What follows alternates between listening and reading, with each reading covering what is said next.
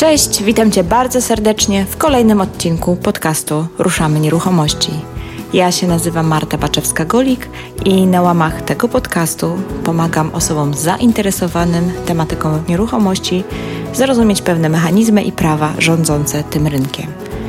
Jeżeli podobnie jak ja uważasz, że najlepiej zdobywać wiedzę od praktyków, a nie od teoretyków, to ten podcast jest dla Ciebie i mniej pewność, że wszystkie przeprowadzone tu wywiady są z ludźmi, którzy wiedzę zdobywali poprzez własne doświadczenie. Miało być o książkach, no wyszło jak wyszło. O biznesie, o życiu, o marketingu, o marce osobistej, no o książkach także. Marcin Osman to bardzo ciekawa postać. Bardzo lubię śledzić jego poczynania w biznesie, bo nie znam drugiego takiego wydawcy, który by tak prężnie działał w świecie biznesu online. Ma świetną biznesową intuicję oraz naprawdę dobrego nosa do bestsellerów. Zaprosiłam go dziś do podcastu, by porozmawiać o książkach branżowych, bo jego wydawnictwo wydało aż trzy naprawdę mocne pozycje z naszego świata, ale myślę, że nasza rozmowa potoczyła się dużo, dużo szerzej. Ostatnio było dosyć sporo odcinków takich stricte nieruchomościowych, więc tak sobie myślę, że od czasu do czasu tematy około biznesowe, mm, około nieruchomościowe będą takim ciekawym wzbogaceniem tematyki podcastu. Gorąco polecam tą rozmowę, zwłaszcza tym przedsiębiorcom, którzy zajmują się w swojej działalności sprzedażą nieruchomości lub sprzedażą innych usług związanych z tym rynkiem. Myślę, że wyciągniecie dla siebie wiele cennych wniosków z naszej rozmowy. A tak przy okazji, dla wszystkich, co myślą szerzej o swoim biznesie, polecam PDF, jaki kiedyś przygotowałam wraz z Martą Smith, Zbuduj biznes na własnych zasadach. Niezależnie od tego, czy jesteś inwestorem, czy też prowadzisz biuro nieruchomości i myślisz, e, co by tu zmienić w swoim biznesie, jak wprowadzić własne reguły gry jeszcze lepiej do swojego biznesu, to ten PDF pomoże Ci pomóc poukładać no, Twoje przedsięwzięcie.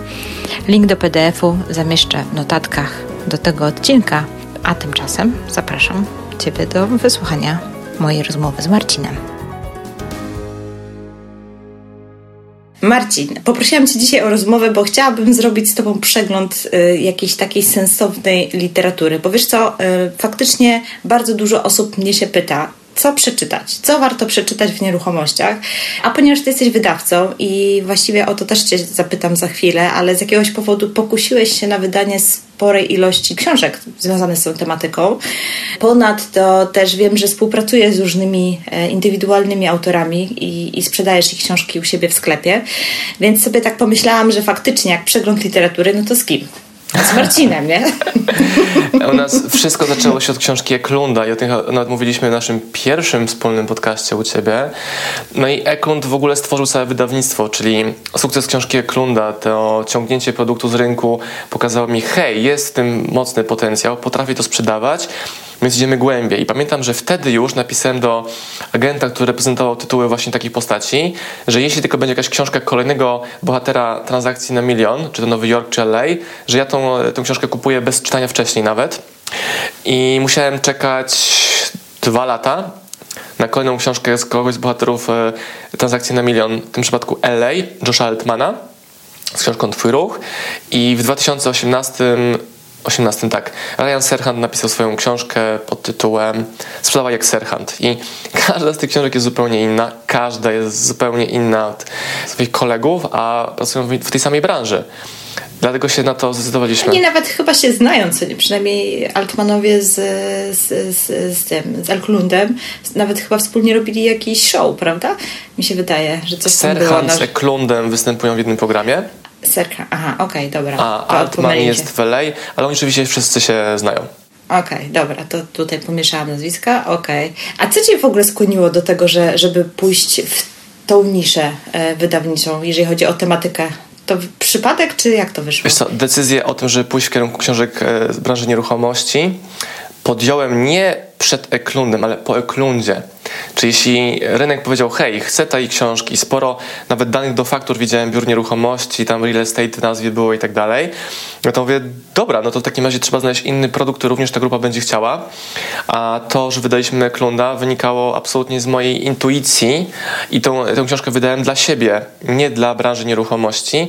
Nie miałem pojęcia, że aż tak dużo z tej branży osób będzie tego autora kojarzyć. No i później to też rozlało na pozostałe grupy już nie, nie nieruchomościowe, że tam znajomy znajomy mówił i tam, e, jak wtedy jeszcze mieliśmy małe kompetencje promocyjne, a to było przecież lata temu już chyba mniej więcej. No jak myśmy nagrywali w grudniu 2016, to już ta książka była, więc nie wiem kiedy była premiera. Ona miała premierę we wrześniu, pamiętasz, to był we wrzesień. wrześniu, okej. Okay. Tak, więc wrzesień 2016. Eklund intuicyjnie, że ja się od tej książki sam nie mogę odkleić. Pozostałe dwie jako hej, jeśli ktoś wyda z tego programu książki, to ja je chcę. No i tym sposobem wydaliśmy Altmana i wydaliśmy Serhanta. Książka Serhanta, to najnowsza, nie mam jej pod ręką, tam gdzieś z tyłu jest, e, to jest najbardziej narzędziowa książka z wszystkich trzech. Okej, okay. to tej akurat nie mam. Także to opowiedz mi o niej w takim razie. Co, co tam Serhant ciekawego w stosunku do pozostałych, bo zarówno Altmana, jak i e, Eklunda czytałam, e, a tego, tego akurat nie, więc to akurat dobrze wspominasz. Moje doświadczenie też pokazuje, że książki to jest bardzo indywidualna sprawa, kto czego potrzebuje, dlatego my nie robimy rankingu najlepsza książka OSM Power, bo każdy jest na innym poziomie, nawet nie jakiś tam rozwoju, tylko potrzeb, które ma wobec książek. Mogę powiedzieć, co jako Marcin, czytelnik, wziąłem najmocniej z książki Serhanta. Jest to omówienie takiego stosunku ilości pracy w biurze do spotkań i do telefonów, czyli inaczej, telefony, spotkania i taka praca na komputerze. I Serhant to genialnie wytłumaczył że zwiększenie czasu na kontakt z klientem kosztem innych aktywności, ale nie zerując ich, to jest jego sekret. Tym stał się mistrzem, czyli jest to rozdział o tym, jak delegować te procesy, które można przekazać zespołowi, żeby mieć najwięcej czasu na te główne aktywności, aktywności klienckie. On to pokazał na wykresach, też bardzo fajnie obrazują wzrokowcom, o co chodzi w tym jego e, systemie. A z rzeczy inspiracyjnych to zdanie moja wizja, moja, moja wizja, moja prowizja. Nawet zrobiliśmy z tego zakładkę do książki i to jest zdanie, jakie on sobie powtarza w momencie, gdy ma jakiś pomysł na eksperyment, który albo jego zespół nie pochwala, albo będzie kosztowało go dużo energii czy, czy tam pieniędzy do zrobienia, że jeśli mam wizję, to ja biorę odpowiedzialność za porażkę i za sukces. Jeśli sukces jest, no to ja zgarniam prowizję. Czasami wynosi ona zero, a czasami może wynosić bardzo, bardzo dużo. I z tym zdaniem się bardzo mocno, mocno utożsamiam, że moje pomysły to jest moja wizja i moja prowizja, jeśli to wyjdzie dobrze. Jak nie, zapłacę koszt. To jest fajne podejście. W ogóle myślę, że to jest fajne podejście do biznesu, bo prawda jest taka, że każde, wdrażanie każdego nowego pomysłu, każdej nowej idei, no albo wyjdzie, albo nie wyjdzie, nie? Ale jak jest to dobry pomysł, to jest szansa, że wyjdzie naprawdę super bardzo dobrze i to się przyniesie, przełoży na finanse. Wiesz, pomysł, ja mam 100 tysięcy pomysłów, ty też na pewno i wygrywamy tym, że robimy. A jeszcze nie znasz Marty mojej, z którą współpracuję. Ta to dopiero jest, e, po prostu ma głowę pełną pomysłów, naprawdę. I ja mam ochotę napisać książkę, bo to jest 100 pomysłów na biznes, którą napiszę w dwa dni, po prostu wyrzucając z siebie pomysły, które mam. Byłem na basenie w zeszłym tygodniu i pływam sobie i pojawiają się u mnie w głowie pomysły, więc podpłynąłem do brzegu e, i nagrałem 15 storiesów instagramowych, każdy z innym pomysłem. I to jest efekt tam jeszcze czterech długości basenu. I dziwi mnie, czy znaczy dziwi, szokuje trochę, e, że ludzie wow, ale pomysły, a dla mnie to są tak automatyczne rzeczy, które pojawiają się jako naturalny wynik tego, że rozmyślam na jakiś temat, czy jak ten problem rozwiązać, jak do tego podejść w inny sposób, jak zburzyć schemat działać w inną stronę zupełnie. E, więc nawet pomysł, który teraz u nas super działa, czyli wydaliśmy książkę Felixa Denisa, jak zrobić duże pieniądze. On jest miliarderem brytyjskim, który od kilku lat już yy, nie żyje. I wymyśliłem sobie, dobra, skoro ja robię launch tego produktu, który jest na pewno jest turbo zajebisty, to czemu ja mam się męczyć w cudzysłowie sprzedażą tego nakładu? Wrzućmy to na odbiorców trochę. Czyli dałem opcję tylko i wyłącznie kupna dwupaku tej książki. Czyli klient musi kupić dwa egzemplarze tej samej książki ale widziałem ogromną liczbę zapytań od mojej społeczności, kiedy to będzie, kiedy to będzie, kiedy to będzie, więc wiedziałem na 100%, że oni tej książki chcą. Więc danie tego w formie dwupaku y, z argumentacją kup sobie i przyjacielowi, któremu dobrze życzysz, złożeniem strony na początku pierwszej, tam od Marcina dla Marty z okazji czegoś tam. Taka jest pierwsza strona tej książki. Spowodowało, że sprzedaliśmy, ta książka się najmocniej sprzedaje, jeśli chodzi o launch, czyli ilość sprzedaży w ciągu krótkiego okresu czasu, tygodnia. To jest też eksperyment, ryzyko, ale to była moja wizja i teraz garnia moją prowizję za to. Super. Super, świetny pomysł. E, powiem Ci, że faktycznie taki odważny. No tak, i ta scena, jaką za to płacę, jest e, może nie spory hejt, ale jest hejt na mnie, że jestem kapitalistą, który ludziom wciska książki po dwie. Nie wciskam, nie chcesz, nie kupuj, ale ludzie się o to rzucają i jest takie zdanie z książki Felixa, tyle nie wybiedaku od tego rozpoczyna książkę w ogóle. I to zdanie daliśmy z tyłu książki. Więc jak słyszę hejt w moją stronę a propos tej książki właśnie, to daję print screen okładki ze wskazaniem na cytat z Felixa. I ludzie się czują obrażeni, że ja do nich mówię leniwy biedaku. Nie, ja pokazuję cytat z tej książki, którą chcą kupić. No, odważnie, odważnie zagrywasz. Ale wiesz, dzięki temu masz zasięgi, taka jest prawda. Dzięki temu to się wszystko dzieje, dzięki temu po prostu wokół, że tak powiem, OSM Power jest ruch i to się dzieje po prostu, nie? Prosta rzecz, a to wywołuje takie kontrowersje i ludzie się wkurzają, bo oni tak bardzo tego chcą, tej książki, że oni tak ją kupią, mówią, kupię na Allegro. Dobrze, ale to kupisz od kogoś, kto sprzedaje ode mnie, kto kupił.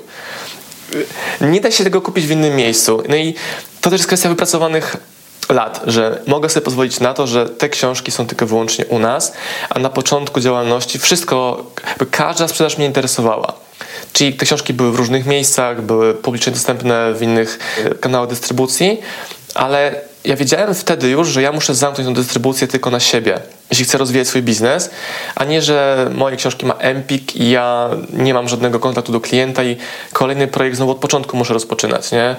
I, i to było celem, budowanie bazy, którą się utożsamiam, oni ze mną i każdy launch nowy produktu jest łatwiejszy, a nie trudniejszy. Własna dystrybucja. No dobra, ale wróćmy jeszcze do tych książek tematycznych, e, branżowych, nieruchomościowych. Czy powiedz mi, bo to mnie tak interesuje na tle innych książek biznesowych, jak wypadają właśnie słupki sprzedażowe? W sensie takim, czy one się jakoś szczególnie więcej, mniej, czy tak samo e, sprzedają? Ilość egzemplarzy z kategorii nieruchomości versus inne książki u nas? Tak, oczywiście nie mówię co do jednej sztuki, tylko wiesz, jakbyś zrobił sobie zestawienie. E, to zależy od roku, czyli w 2018 na pewno książki Gary'ego Wojniaczuka były numer jeden pod kątem ilości sprzedaży. Później książki Marcina Osmana, głównie książka Sprzedawaj Więcej, która też kosztuje inaczej, bo kosztuje 123 zł. I też pomysł na zwiększenie wartości przez danie ludziom 40 e, nagrań bonusowych do tej książki.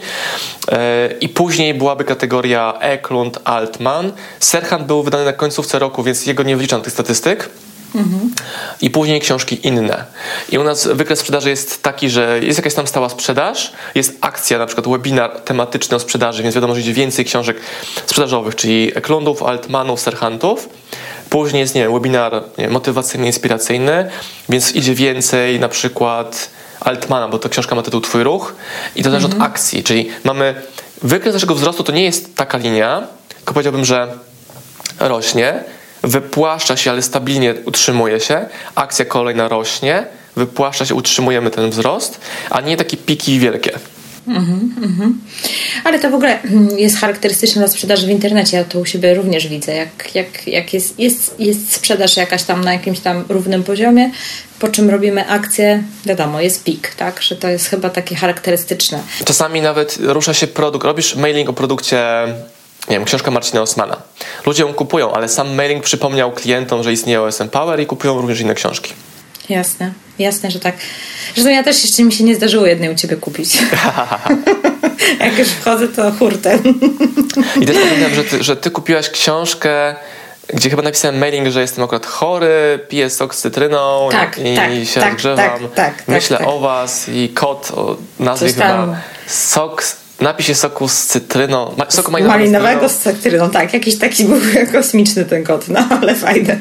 Właśnie, ale on powoduje, że to nie jest hej, masz promo code brzmiący rabat, dzisiaj 20%. Nie, to jest historia, do tego jest argumentacja. Mam kolegę, który mówi, nie otwieram moich mailingów. Czemu? Bo nie chcę nic kupować u ciebie, a wiem, że jak otworzę, to kupię. Ja mówię, Paweł, jak kupisz? Jest kupię od razu. No dobra. Nie czaj się. Tak, też bycie bardzo blisko... Okej, okay. moim mistrzem jest Gary Waniaczuk. ilość rzeczy, jakie ja wdrożyłem od niego, to jest jakieś 10%. On robi turbo dużo rzeczy, ale te 10% pozwala mi mieć bardzo bliską relację z moją społecznością, co jest nie do odtworzenia, nie do kupienia, nie do podkradzenia. Czyli budowanie stabilnych fundamentów w online powoduje, że ta moja społeczność ze mną jest. Część przychodzi, część odchodzi, ale ten mocny core cały czas jest i Najczęstsze pytanie, jakie mam na Instastory, Marcin, jaką książkę polecasz? No to pytam, do czego potrzebujesz tej książki? I ja ręcznie potrafię odpisywać takie kilkadziesiąt wiadomości na Instagramie, gdzie robię dużo aktywności. E, jeśli ja to mogę robić, to znaczy, że każdy może to zrobić, odzyskując czas z pierdół. Przed wywiadem powiedziałaś, że mało oglądasz, bo dużo produkujesz. Pełna zgoda. Marta, ja żadnego twojego podcastu oprócz mojego ostatniego nie słuchałem. No jasne.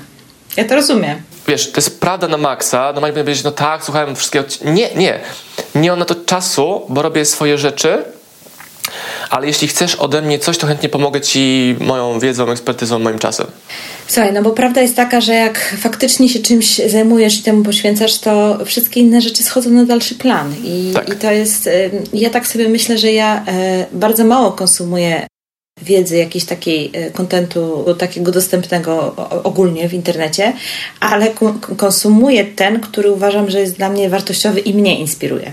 Czyli gdzieś tam, e, bo też się cały czas chcę mimo wszystko rozwijać, więc to, co mi daje wartość, to owszem, czytam takie, znajduję na to czas, żeby poczytać takie książki, czy, e, czy posłuchać jakiegoś podcastu inspirującego, czy e, znaleźć, e, nie wiem, czy posłuchać czasami jakiegoś Twojego, czy kogoś z innego wideo na YouTubie, czy gdzieś, który po prostu jest tam, wiem, że jest osobą, która robi fajnie rzeczy, od którego mogę coś dla siebie też wziąć.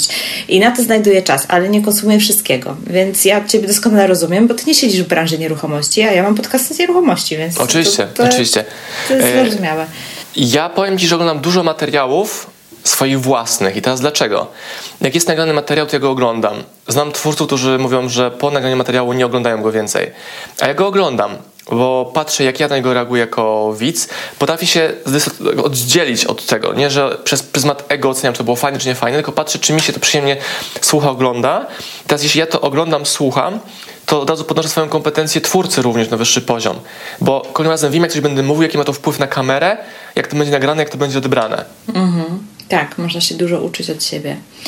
No ja swoje podcasty też e, przez bardzo, bardzo, bardzo długi czas przez jakieś pierwsze dwa i pół roku. Wszystkie może nie obrabiałam technicznie, że nie wycinałam, mhm. ale wysyłałam do Andrzeja, z którym współpracuję przy obróbce, z dokładnymi notatkami, gdzie ma przyciąć, co ma zrobić i tak dalej. Od jakiegoś czasu już tego nie robię, bo nie, nie wyrabiam się po prostu, mhm. a zwiększyłam częstotliwość, że tak powiem, produkowania, ale Andrzej już jest ze mną od samego początku, więc już mnie tak super czuje, że już wie, co wyciąć, co przyciąć i, i fajnie to wychodzi, ale też sobie odsłuchuję te podcasty później, jak już są gotowe, nie? Mhm. Także, także to, to tak ale też faktycznie to uczenie się na przykład pozwoliło mi to wy, wy, wyeliminować różne takie słowa, które wtrącałam. Mm, wiesz, każdy ma taką manierę, nawet to jest niekontrolowane, że coś mówisz, zwłaszcza jak wejdziesz w temat, który cię ekscytuje, to zaczynają się pojawiać jakieś przecinki, jakieś nie, y, coś tam, takie różne, różne słowa. To mi na przykład, że słuchałam podcastów, pozwoliło wyeliminować takie rzeczy, nie? Ja mam alergię na słowo, że tak, że tak powiem. Mm, czasami słyszę to w materiałach i wielokrotnie to słyszę i zadałem sobie pytanie, dobra, skąd to się w ogóle bierze u ludzi? I prawdopodobnie przez to, że oni przybywają w otoczeniu ludzi, którzy tego zwrotu używają, akceptują i uwagi na to nie zwracają, a ja ja wiem, że mi to ludzie wypomną e, w materiałach i to jest taki konstruktywny hejt, który biorę do siebie, że chcę eliminować błędy językowe, które cały czas robię. Tak, każdy z nas robi, bo, bo po prostu e, wiesz, nasza profesja jednak mimo wszystko jest gdzie indziej, a nie w byciu, y, nie wiem, producentem radiowym, tak jak ja przy przypadku produkcji podcastów i audycji, tak jakby mhm. radiowych. Więc, y, więc, y, więc po prostu pewnie brakuje nam tego warsztatu takiego typowego dziennikarskiego, nazwijmy to, który, który po prostu powoduje, że, że, że nasze te kompetencje tutaj akurat stricte takie techniczno-merytoryczne e, używania języka, posługiwania się głosu itd., tak itd., tak no są, po prostu uczymy się ich e, w trakcie. Bo nadawiasz ty i ja czymś innym. E, ostatnio widzę często w internetach Macieja Orłosia, który jest przecież mistrzem telewizyjnym, ale jego społeczność internetowa jest niewielka, bo on nie wie, jak tą społeczność budować. Z drugiej strony mamy Czarka Pazurę, który sobie rewelacyjnie radzi na YouTubie, I YouTube jest idealny, bo on jest takim śmieszkiem. Więc społeczność YouTube'owych e, ludzi lubi rozrywkę, która tam e, im bardzo odpowiada. Ja sobie zadałem sobie pytanie, dobra, co ja mogę zrobić jeszcze więcej, aby wzmocnić efekt mojego działania i przyspieszyć drogę do osiągania moich celów. I pomyślałem sobie, hmm, a co gdyby z publikacji wideo raz dziennie, bo od prawie dwóch miesięcy jest wideo codziennie o 20 Łosmana, dołożyć drugie wideo i mieć dwie publikacje dziennie. Czy jest to możliwe? Czy jest to wykonalne? No już jest moim teamem, już jest moimi kompetencjami. Teraz jaki format wymyślić? I pomyślałem sobie, a co gdyby oprócz takich treści merytorycznych, jakie robię u mnie w odcinkach, dodać do tego odcinek vloga. Czyli robić daily vloga iPhone'em, już nie operatorem, ale iPhone'em, żeby miał zawsze w kieszeni urządzenie, jakim nagrywam, żeby nauczyć ludzi tego formatu, nagrać 365 vlogów i zobaczyć, jaki to będzie miało wpływ na mój biznes. I znowu ludzie mówią, nie mam czasu, nie mogę, nie potrafię, a ja zadaję inne pytanie, tak samo ty. Dobra, co mogę zrobić, aby wyeliminować część aktywności, na to miejsce dać to, co działa naprawdę i jak to pokładać jeszcze w życiu prywatnym, y, rodzinnym i jakimś tam. I mi narodziny córki dało jeszcze więcej powera do robienia rzeczy bardziej efektywnie. Ja się bałem tego, mm, co mi ludzie mówili wcześniej, że no dobra, nie masz dzieci, poczekaj, aż pojawią się dzieci. Tak bardzo z dystansem do tego podchodziłem, że nie komentowałem, nie hejtowałem, tego nie teasowałem, ale teraz mówię bardzo odważnie, że ludzie są fucking losers, którzy mówią, że no mam dziecko. Ja też. Fuck you. I mam czas, żeby robić rzeczy, które są ważne. Mamy telewizor w mieszkaniu, tego, który nigdy nie był włączony do... Nigdy nie był włączony. Słuchaj, wiesz, ja ci powiem, że e, pamiętam, że na początku też e, ktoś mówił, a ty nie masz dzieci. Ja mówię, mam dziecko, ale tylko jedno. Tak. Albo... A z jednym to nie jest to samo, co z Poczekaj, aż pójdzie do przedszkola. Poczekaj, aż pójdzie do... I poczekaj, poczekaj, poczekaj. Tak. Nie, to wszystko się da. To wszystko się absolutnie da e, fajnie poukładać, jeżeli chcesz to poukładać. Usłyszałem ostatnio mega zdanie, po prostu turbo. No tak, Marcin, ale ty lubisz pracować. Wiesz co, powinniśmy tu zakończyć tą puentą. Nie no, piękne, piękne. Ty, Marta, też lubisz pracować, nie? Lubisz montować, płacić komuś za robotę tego, spędzać czas ze mną, a nie z rodziną teraz. Lubisz to. Mhm. Wiesz co... Um jakby ci powiedzieć, faktycznie lubię to, co robię. Gdybym nie lubiła, to pewnie bym aż tak dużo nie robiła. I to jest naturalne, że jeżeli coś e, z czymś się męczymy, to tego unikamy. To jest normalne, więc faktycznie ważne jest, żeby jednak robić coś, co sprawia nam w jakimś tam stopniu przyjemność. Ale w każdym biznesie, w, każdym, w każdej działalności są rzeczy, które są fajne i są rzeczy, które są mniej fajne. I e, wydaje mi się, że nie ma takiej czynności, która jest tylko fajna, chyba że sobie tak zorganizujesz biznes, że wydelegujesz rzeczy, których się zupełnie zupełnie nie czujesz. E, I ja staram się tak robić. Wiem, pamiętam, że pierwszą taką moją czynnością to było wydelegowanie wszystkich księgowych historii. Jakieś wystawiania faktor, paragonów i innych rzeczy. Jednocześnie delegując też musisz mieć wiedzę na temat tego, jak to robić. Przykład teraz. Mi pomógł tutaj sprzęt ustawić e, Norbert u nas, ale rozmawiam z tobą, patrzę kątem oka, hej, to nagranie jest trochę ciemne. Patrzę, aha, funkcja auto, dobra, poprawiłem to Czyli dobra, okej, okay, deleguję, ale też mam na tym rękę na pulsie, bo wiem, jak to powinno wyglądać. A nie jestem takim przezroczystym menadżerem, który nie ma wiedzy o swojej branży, ale deleguje. Tak samo z u ciebie. Powiedziałaś, sama pierwsze 20 odcinków słuchałam, notowałam, poprawiałam. I to jest największy skill, którego ludzie nie chcą też zdobyć przez to, że oczekują natychmiastowej gratyfikacji nie chcą się tym brudzić, żeby robić małe rzeczy, a celują w wielkie seksy. Ty i ja celujemy w wielkie seksy rzeczy, pewno, ale robimy małe kroki codziennie, które są nudne, powtarzalne. Jak ludzie sobie wypisali, ile, ile kroków wykonuje Marta, żeby stworzyć podcast, to by się im od nich chciało na starcie w ogóle. Wiesz co, ty będziesz w moim 90 odcinku, więc już trochę tego faktycznie nagrałam, więc e, faktycznie mogę powiedzieć, że to było kupę roboty. Mhm. Kupę roboty, te 90 odcinków, bo po pierwsze trzeba się przygotować, spotkać, obrobić, obsłuchać, zrobić notatki, przyciąć, wyczyścić, opublikować, napisać teksty, napisać mailing, zrobić grafikę. to, to po prostu jest, wie, to jest za tym, że my sobie tu dzisiaj porozmawiamy, też jeszcze jest kilka godzin pracy, żeby w ogóle ten odcinek mógł zaistnieć po prostu w przestrzeni takiej mm. e, no, internetowej na moim blogu, czy, czy w, w tych wszystkich tam wyszukiwarkach podcastowych. I właśnie jest tak, że ktoś z branży nieruchomości powie, no tak, ja nie mam czasu, bo biegam po klientach, po obiektach i tak dalej, nie mam czasu, żeby nagrywać wideo, a ja mówię, właśnie dlatego telefon w kieszeni i mikrofon zrobi ci całą robotę, bo ty nie masz czasu na inne aktywności, a wideo i audio takie w biegu iPhone'em zrobione jest najłatwiejszą formą tworzenia treści, a pozostałą część procesu możesz wydelegować i zapłacić komuś, kto ci zrobi tą obróbkę, publikację, miniaturki, opisy, lalala. Więc znowu jest niewłaściwie postawione pytanie. Jest pytanie, jak ja mogę to zrobić? Jakim narzędziem, jakim uproszczeniem? I te 10 minut dziennie, bo to nie zajmie więcej niż twórcy, niż 10 minut dziennie, powoduje, że nagle stajesz się najbardziej rozpoznawalnym agentem nieruchomości w swoim rejonie czy w swoim mieście bo ludzie cię znają i to jest znowu kwintesencja książki Josha Altmana, Twój ruch, żeby każdy wiedział, że ty jesteś tym gościem, tą gościową od tego, tego, tego, tego. Dokładnie, to, no to jest budowanie brandu. Marcinie, ale zadam Ci jeszcze takie pytanie, znowu już wrócę do książek, bo nam się super tu rozmawia i bardzo łatwo nam jest wchodzić w tematy około tematyczne, bo robimy podobne rzeczy w internecie, ale, znaczy zupełnie inne, ale podobne od strony technicznej, ale chcę się Ciebie zapytać, jak Ty wybierasz książki do publikacji? Na co zwracasz uwagę?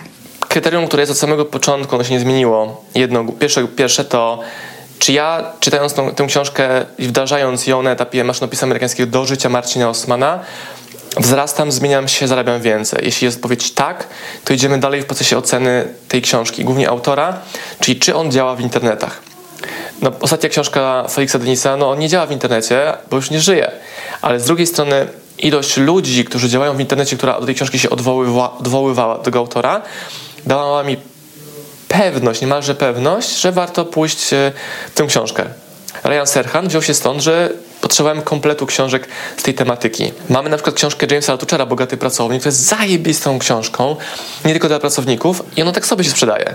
A ja myślałem, że książka, która będzie dedykowana pracownikom, a nie właścicielom biznesów, też znajdzie swoje miejsce w naszej grupie odbiorców, a wychodzi na to, że nie. I ci, których przekonam takim lekkim push, hej, weź, zaufaj, kup, mówią, wow, nie spodziewałem się, że ta książka będzie tak zajebista. Więc też mam błędy wydawnicze nie w jakości produktu, ale w ocenie, czy wybór, jaki dokonałem, jest tym, czego potrzebują moi odbiorcy. Czyli jednak mimo, mimo wszystko sam to analizujesz, czy pytasz swoją społeczność o to, co potrzebują? Wiesz co, jak ich pytam, czy chcecie, to te odpowiedzi są niewiarygodne. Bardziej zauważam, czy oni komunikują, czy oni, bo już mam tak, że oni pytają mnie, hej Marcin, czy wydasz książkę Gogginsa u was? Albo czy będzie druga książka Felixa? Albo czy, albo czy, albo, albo. W, w to wierzę, w te sygnały. Albo tagują w jakichś dyskusjach, Facebookach i YouTubach, ktoś mówi o wydaniu książki, więc tam Marcin Osman, hej, zbadaj temat w ogóle, czy ciebie to e, interesuje. Ostatnio korporacja nas jedna przyszła i mówi, hej, wydajcie książkę tego autora, bo pomożemy wam w sprzedaży, bo my potrzebujemy tej książki dla siebie, a nie chcemy jej sami produkować. Więc tak będzie powstawała książka Turn the Ship Around, napisana przez gościa, który był e, kapitanem łodzi podwodnej. Książka o liderstwie. No właśnie, bo też tak e, zadam Ci to pytanie, bo e, jest ono taką konsekwencją mojej myśli, a moja myśl była pierwsza taka, jak wybierać książkę, bo wiesz, wchodzi, dzisiaj naprawdę książek jest cała masa, tak jak wszystkiego informacji i, i, i, i przeróżnej wiedzy, informacji. Naprawdę, jak chcesz, to aż nie, życia ci nie starczy, żeby to wszystko przerobić, po prostu. Więc gdzieś jakiejś tej selekcji trzeba dokonać. Na jakimś etapie coś odrzucić, a coś zacząć czytać. Ja sama łapię się na tym, że czasami czytam pięć książek naraz i potem w końcu w efekcie żadnej nie kończę. W końcu mówię, dobra, teraz kończę każdą po kolei, inne odstawiam, zapominam. E, więc, e, więc, e, bo się chce i tego, i tego, i tego. I tak zapytałam się, jak wybierasz E, domyślam się, że decyzja o tym, co wydrukować jest jeszcze trudniejsza, bo niesie ze sobą konsekwencję no, stricte biznesową e, i finansową później, to dążę do tego, jak, wiesz, jaki klucz sobie wyrobić, wypracować w wybieraniu właściwej e, opcji do czytania. Jak zrobić tą selekcję, jak zrobić to sito. Po pierwsze, nie ma nic złego w czytaniu 15 książek jednocześnie. E, po drugie, skąd w ogóle założenie, że książkę trzeba skończyć? Skoro czytasz pierwszy rozdział, on dał ci to, czego potrzebujesz. Z takimi też obiekcjami często mam do czynienia u mnie w internetach. Najważniejsza jest rekomendacja, kto ci tę książkę poleca. Czyli nie ma w ogóle w Polsce takiego wydawnictwa jak OSM Power, bo my zajmujemy się rekomendowaniem książek do kontekstu odbiorcy. Jeśli zapytasz mnie, książka o liderstwie, dobra, ta, o sprzedaży ta, a nie będzie kup te wszystkie, Więc zawsze pytam, dobra, do czego potrzebujesz tej książki, jaki problem chcesz rozwiązać? I przez znajomość na wylot tej, każdej z tych książek, bo sami je później e, redagujemy, robimy korekty, dyskutujemy o nich, poprawiamy często tłumaczy, którzy kontekstu nie skumali i musimy doprecyzować, żeby jeszcze bardziej ona była dopasowana do odbiorcy jako produkt książkowy, więc ja bazuję osobiście na rekomendacji. Jak robiłem wywiad z Grześkiem Kłosem, on jest mega przedsiębiorcą, restauratorem, właściciel restauracji Edret na przykład w Warszawie i w Krakowie, on mówił o książce Liderzy, że dzięki książce Liderzy, tam 8 niezwykłych liderów, la la la, znalazł sposób na sfinansowanie swojego biznesu i zebrał e, teraz w crowdfundingu 600 tysięcy. Wow, okay. skończyłem wywiad, zamówiłem egzemplarz, przeczytałem, mega książka i kupiłem cały nakład z rynku i ta książka jest dostępna tylko i wyłącznie w OSM Power. Taka jest droga książki liderzy, dotarcie do OSM Power. No właśnie, bo ty jej nie wydawałeś, po prostu wykupiłeś nakład. Ja się śmieję, że mogę występować spokojnie na konferencjach o flipach nieruchomościowych, bo robię dokładnie to samo u siebie w biznesie. E, książka do roboty Pressfielda. To jest w ogóle hicior. Dwa lata temu zamówiłem 10 egzemplarzy do naszego magazynu. 10 egzemplarzy sprzedawałem przez półtorej roku. 10 egzemplarzy. One leżały raz na 3 miesiące ktoś po nią sięgnął. Poznałem Rafała Mazura. Rafał powiedział mi o książce do roboty Pressfielda, którą, o, by the way, mam sobie w domu chyba, czy w magazynie. Przeczytałem, wow, mindfuck, mindblow. Dobra, idziemy to głębiej. Wykupiłem cały nakład tej książki znowu od wydawcy poprzedniego. To było około 1000 egzemplarzy i one poszły wszystkie w dwa miesiące. Co zrobiłem? Dałem rekomendację autorytetu, czyli Rafała Mazura plus moją. Zakomunikowałem społeczności, zabrałem produkt z rynku, dostępny tylko u nas, podniosłem cenę, zmieniłem okładkę i zrobiłem flipa na tej książce. Zostało nam 20 egzemplarzy i co transakcję podnosimy cenę. Ta książka na okładce ma 29 zł cenę, a w chwili obecnej sprzedajemy ją za 150 zł. Wow. I co transakcję podnosimy cenę o trochę, bo nie ma tej książki na rynku i nie będzie jej więcej. Nieźle, nieźle. Ale wiesz, to jest sekret tego, że postawiłeś na własną markę i nie wszedłeś do empików i innych rzeczy. I dystrybuujesz tylko od siebie. Możesz takie rzeczy robić. Tak, i teraz dalej. Będziemy dawali kolejne książki swoje. Marcin Osman i Kamila Kruk na przykład jako autorzy, czy Marcin Osman, czy sama Kamila. I książkę wydamy w Empiku. Jedną żeby sięgnąć do bazy, do której tej pory nie sięgaliśmy, bo miliardy ludzi nie wiedzą o naszym istnieniu w ogóle. I teraz sięgając do grupy księgarskiej, którzy wchodzą, takich random bayerów, którzy wchodzą, biorą spółki, wychodzą, czekając, nie wiem, na pociąg na dworcu centralnym, sobie książ jakąś książkę chcą kupić, to w ten sposób chcemy sięgnąć do zupełnie innej grupy. Tam na tej książce zarobimy pewnie mniej per, tytuł, mniej per egzemplarz, ale ściągnie do nas to nową grupę. Jak się okaże, że jest mała sprzedaż w kanale szerokim, no to wycofamy ją do nas i zrobimy to samo, co tutaj porobiliśmy z książkami wydanymi u nas, czyli zamknięta dystrybucja, budowanie wartości, e, pokazywanie kontekstu i rekomendacje. Wiesz, e, jest wiele przykładów przecież na rynku e, osób, które wydały samodzielnie książkę i rozwaliło system totalnie. I też mam takie doświadczenia gdzieś tam w bliskim moim otoczeniu osób, które się zachłysnęły szeroką reklamą w, mediach, gazetach, wiesz, najbardziej poczytnych gazetach, jakieś tam artykuły, rekomendacje tak dalej, po czym się okazało, że cały nakład swoje, swojego wydawnictwa sprzedały poprzez live na Facebooku, więc i reklamy w gazetach nie za wiele zadziałały. Ale to jest kwestia ego. Jest taka książka Ryana, Ryana Holiday'a Ego, ego is your enemy, jest po polsku wydana też już. To jest ego. Oni chcą szerokiej, wielkiej promocji, nie chcą robić pracy u podstaw nie chcą sprzedać ludziom, którzy już wokół nich są, czyli bardziej szanują e, no-name'owego dystrybutora niż panią Krysię Kowalską, która lajkuje każdy twój post. To jest ta różnica. Tak, to prawda. To coś w tym jest. E, coś w tym jest i tak sobie myślę, że, że faktycznie... Wiesz, te, te, te, te media takie mainstreamowe, nazwijmy to, takie właśnie szerokie, no, no budują cię, nie? To myślisz, wow, w telewizji sama byłam dwa razy w pytaniu na śniadaniu, myślę, wow, super. I co z tego? Jeśli niego nie zakomunikujesz swojej społeczności, to, to nie będzie działało. Tak, oczywiście jest to fajnie, bo, bo mamy zakładkę media i to fajnie tam gdzieś działa i tak dalej, ale naprawdę jest taka, że sprzedajemy z naszych akcji, z naszej mrówczej pracy. E, wiesz co, ja robię mrówczą pracę i takim trochę buntownikiem jestem w zakresie szerokich mediów i robienia aktywności PR-owych, które budują wizerunek, ale wizerunek nie sprzedaje, sprzedaje mrówcza robota. Ale też wiem, że ludzie potrzebują takich rzeczy. Chcą widzieć tak. e, drogie samochody, nie wiem, ekskluzywne hotele, jakieś dziwne takie atrybuty bogaczy, ale dlatego właśnie dlatego wydałem książkę Felixa. Wiesz, ja ci powiem, że ja trochę stronię od takich postaw, dlatego że e, przez miałam w swoim życiu taki epizod, gdzie byłam dosyć mocno zaangażowana w MLM. I tam, jak, jakie tam jest pozerstwo, to to się w pale nie mieści. Niestety ludzi się oszukuje takimi drogimi e, zabawkami, które są ledwie spłacane tylko po to, żeby mieć. Tam naprawdę nie ma bogactwa takiego prawdziwego, jakiegoś autentycznego. Są, ale pewnie nieliczne osoby, jednostki.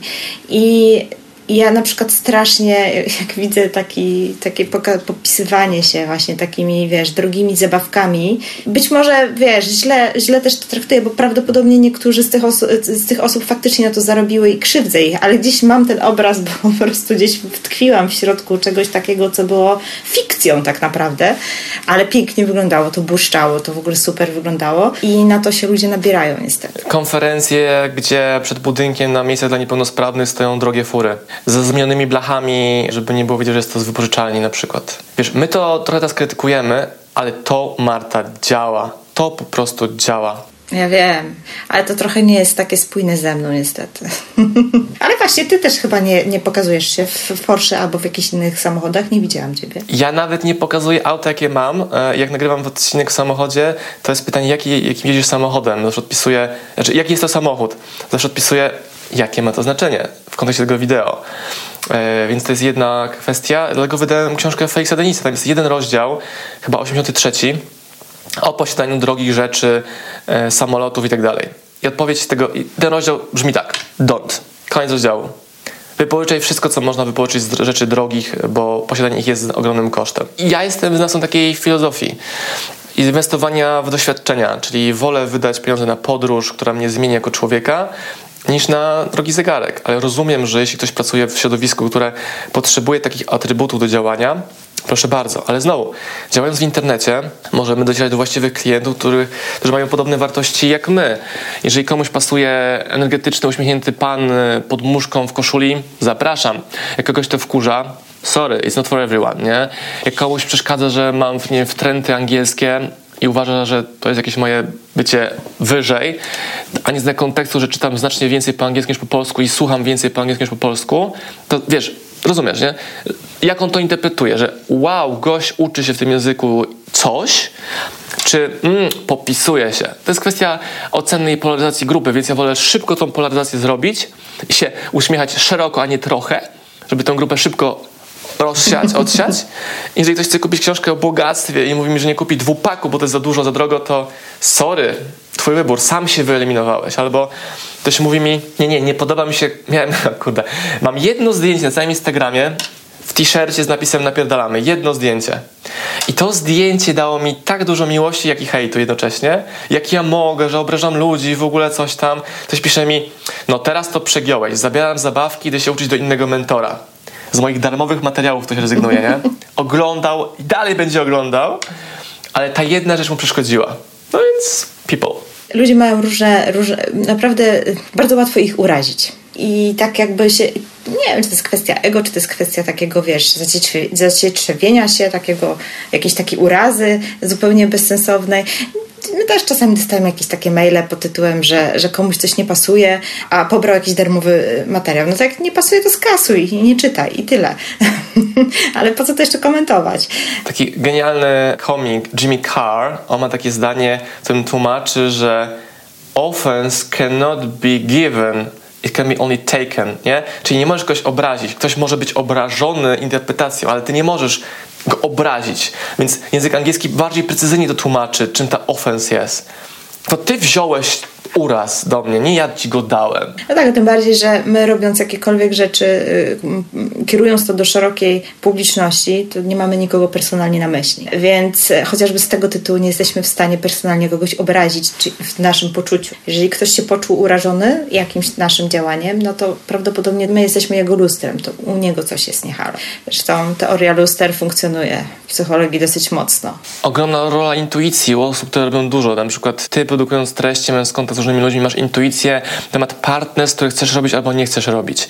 I nie masz, logika mówi, warto to zrobić, a intuicja mówi, no kurde, nie, bo będę musiała później wziąć prysznic po tym, po tym, po tym partnerstwie. I też mam tak często, że rezygnuję z partnerstw, które są na poziomie logiki Excela, ok, super, ale kurde, nie, nie. Coś nie pasie, nie wiesz co i to jest pierwszy sygnał do tego, żeby uciekać. I o tym pisze Altman.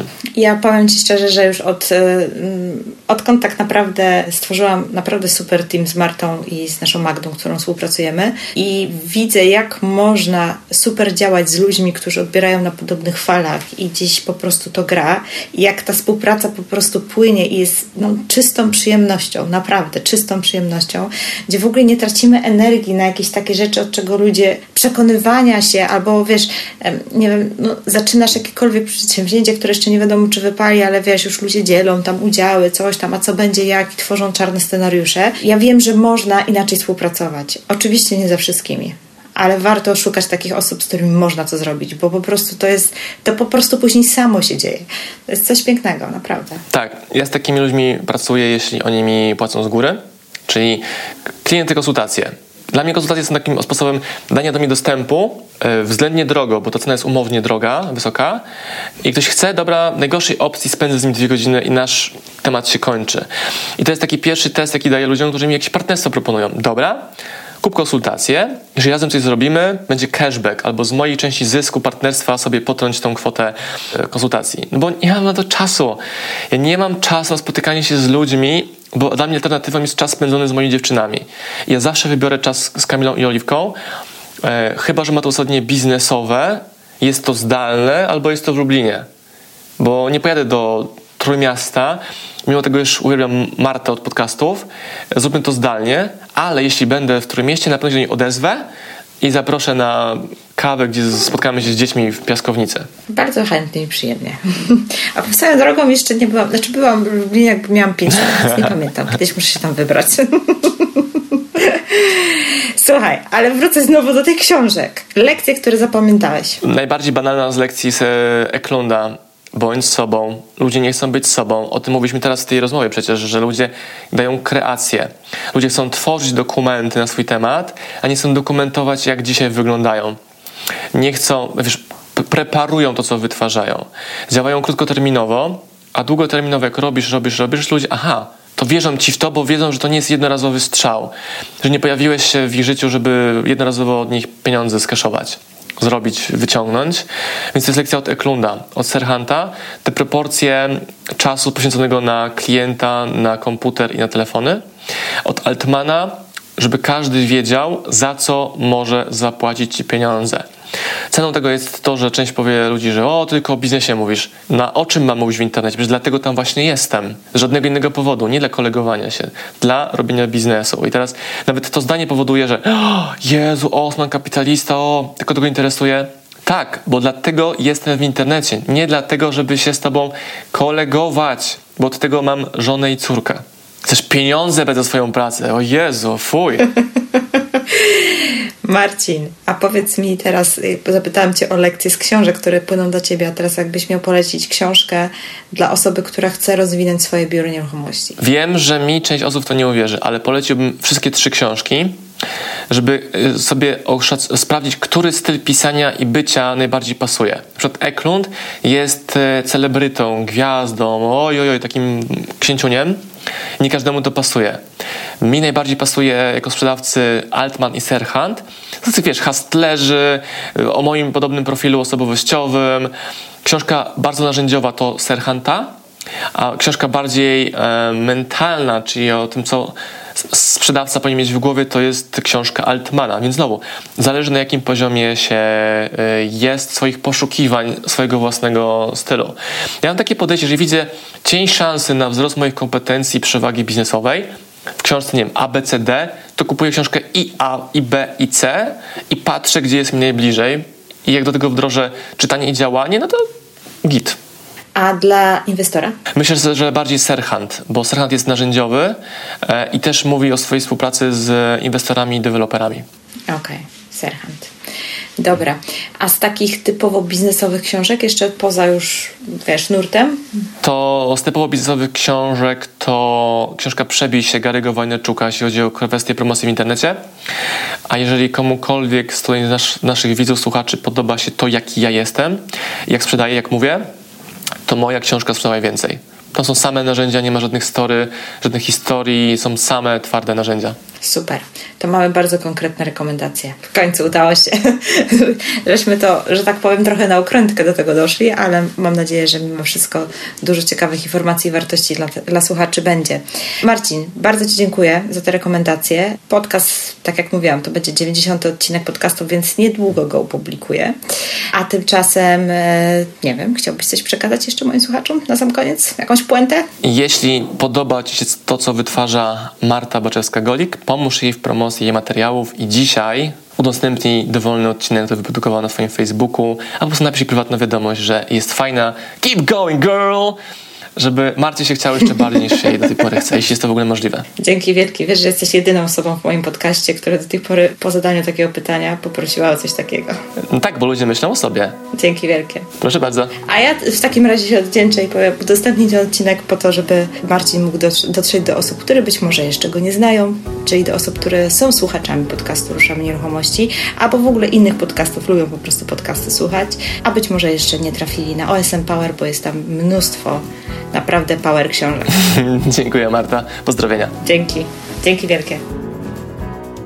Ciężko było skończyć tą rozmowę. Po nagraniu podcastu dla odmiany Marcin nagrał także wywiad ze mną na swój kanał YouTube. Także jeżeli chcesz poznać taki mój punkt widzenia, to zapraszam Cię na kanał YouTube do Marcina. Rozmawialiśmy o tym, jak przenieść biznes offline do online i jak mi udało się połączyć te totalnie różne dwa światy. Swoją drogą, to nigdy nie nagrywałam podcastu solo. Tak się do tego przymierzam, ale nie mam pewności, czy chcielibyście słuchać trochę więcej moich przemyśleń, poznać trochę więcej moich doświadczeń. W projekcie, jaki tworzę z Martą Smith, bardzo często dzielę się swoją wiedzą i doświadczeniem, a tutaj Jakoś tak wpadłam w konwencję wywiadów i ciężko mi się z nim wyrwać. Nic tak jednak nie motywuje jak głos słuchaczy. Dlatego daj znać, czego byś się chciał ode mnie dowiedzieć, tak zupełnie bezpośrednio. Chętnie odpowiem na Twoje pytanie i właśnie może to jest dobry pomysł, dobry początek na podcast solo. Ty pytasz, ja odpowiadam. Co o tym myślisz? Masz pytania, to napisz do mnie maila na infomałpa ruszamynieruchomości.pl lub skomentuj mój post na Facebooku zamieszczę taki, który będzie się nazywał Zadaj mi pytania, odpowiem Ci w podcaście. Na nie.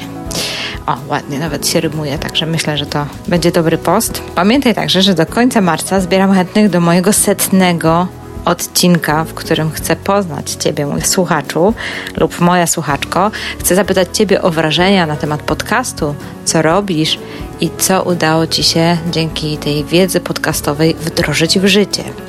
O te efekty mnie najbardziej interesują, bo to daje mi wtedy taką satysfakcję z tego, że to, co robię, ma sens, że to się faktycznie przekłada na, na Wasze działania.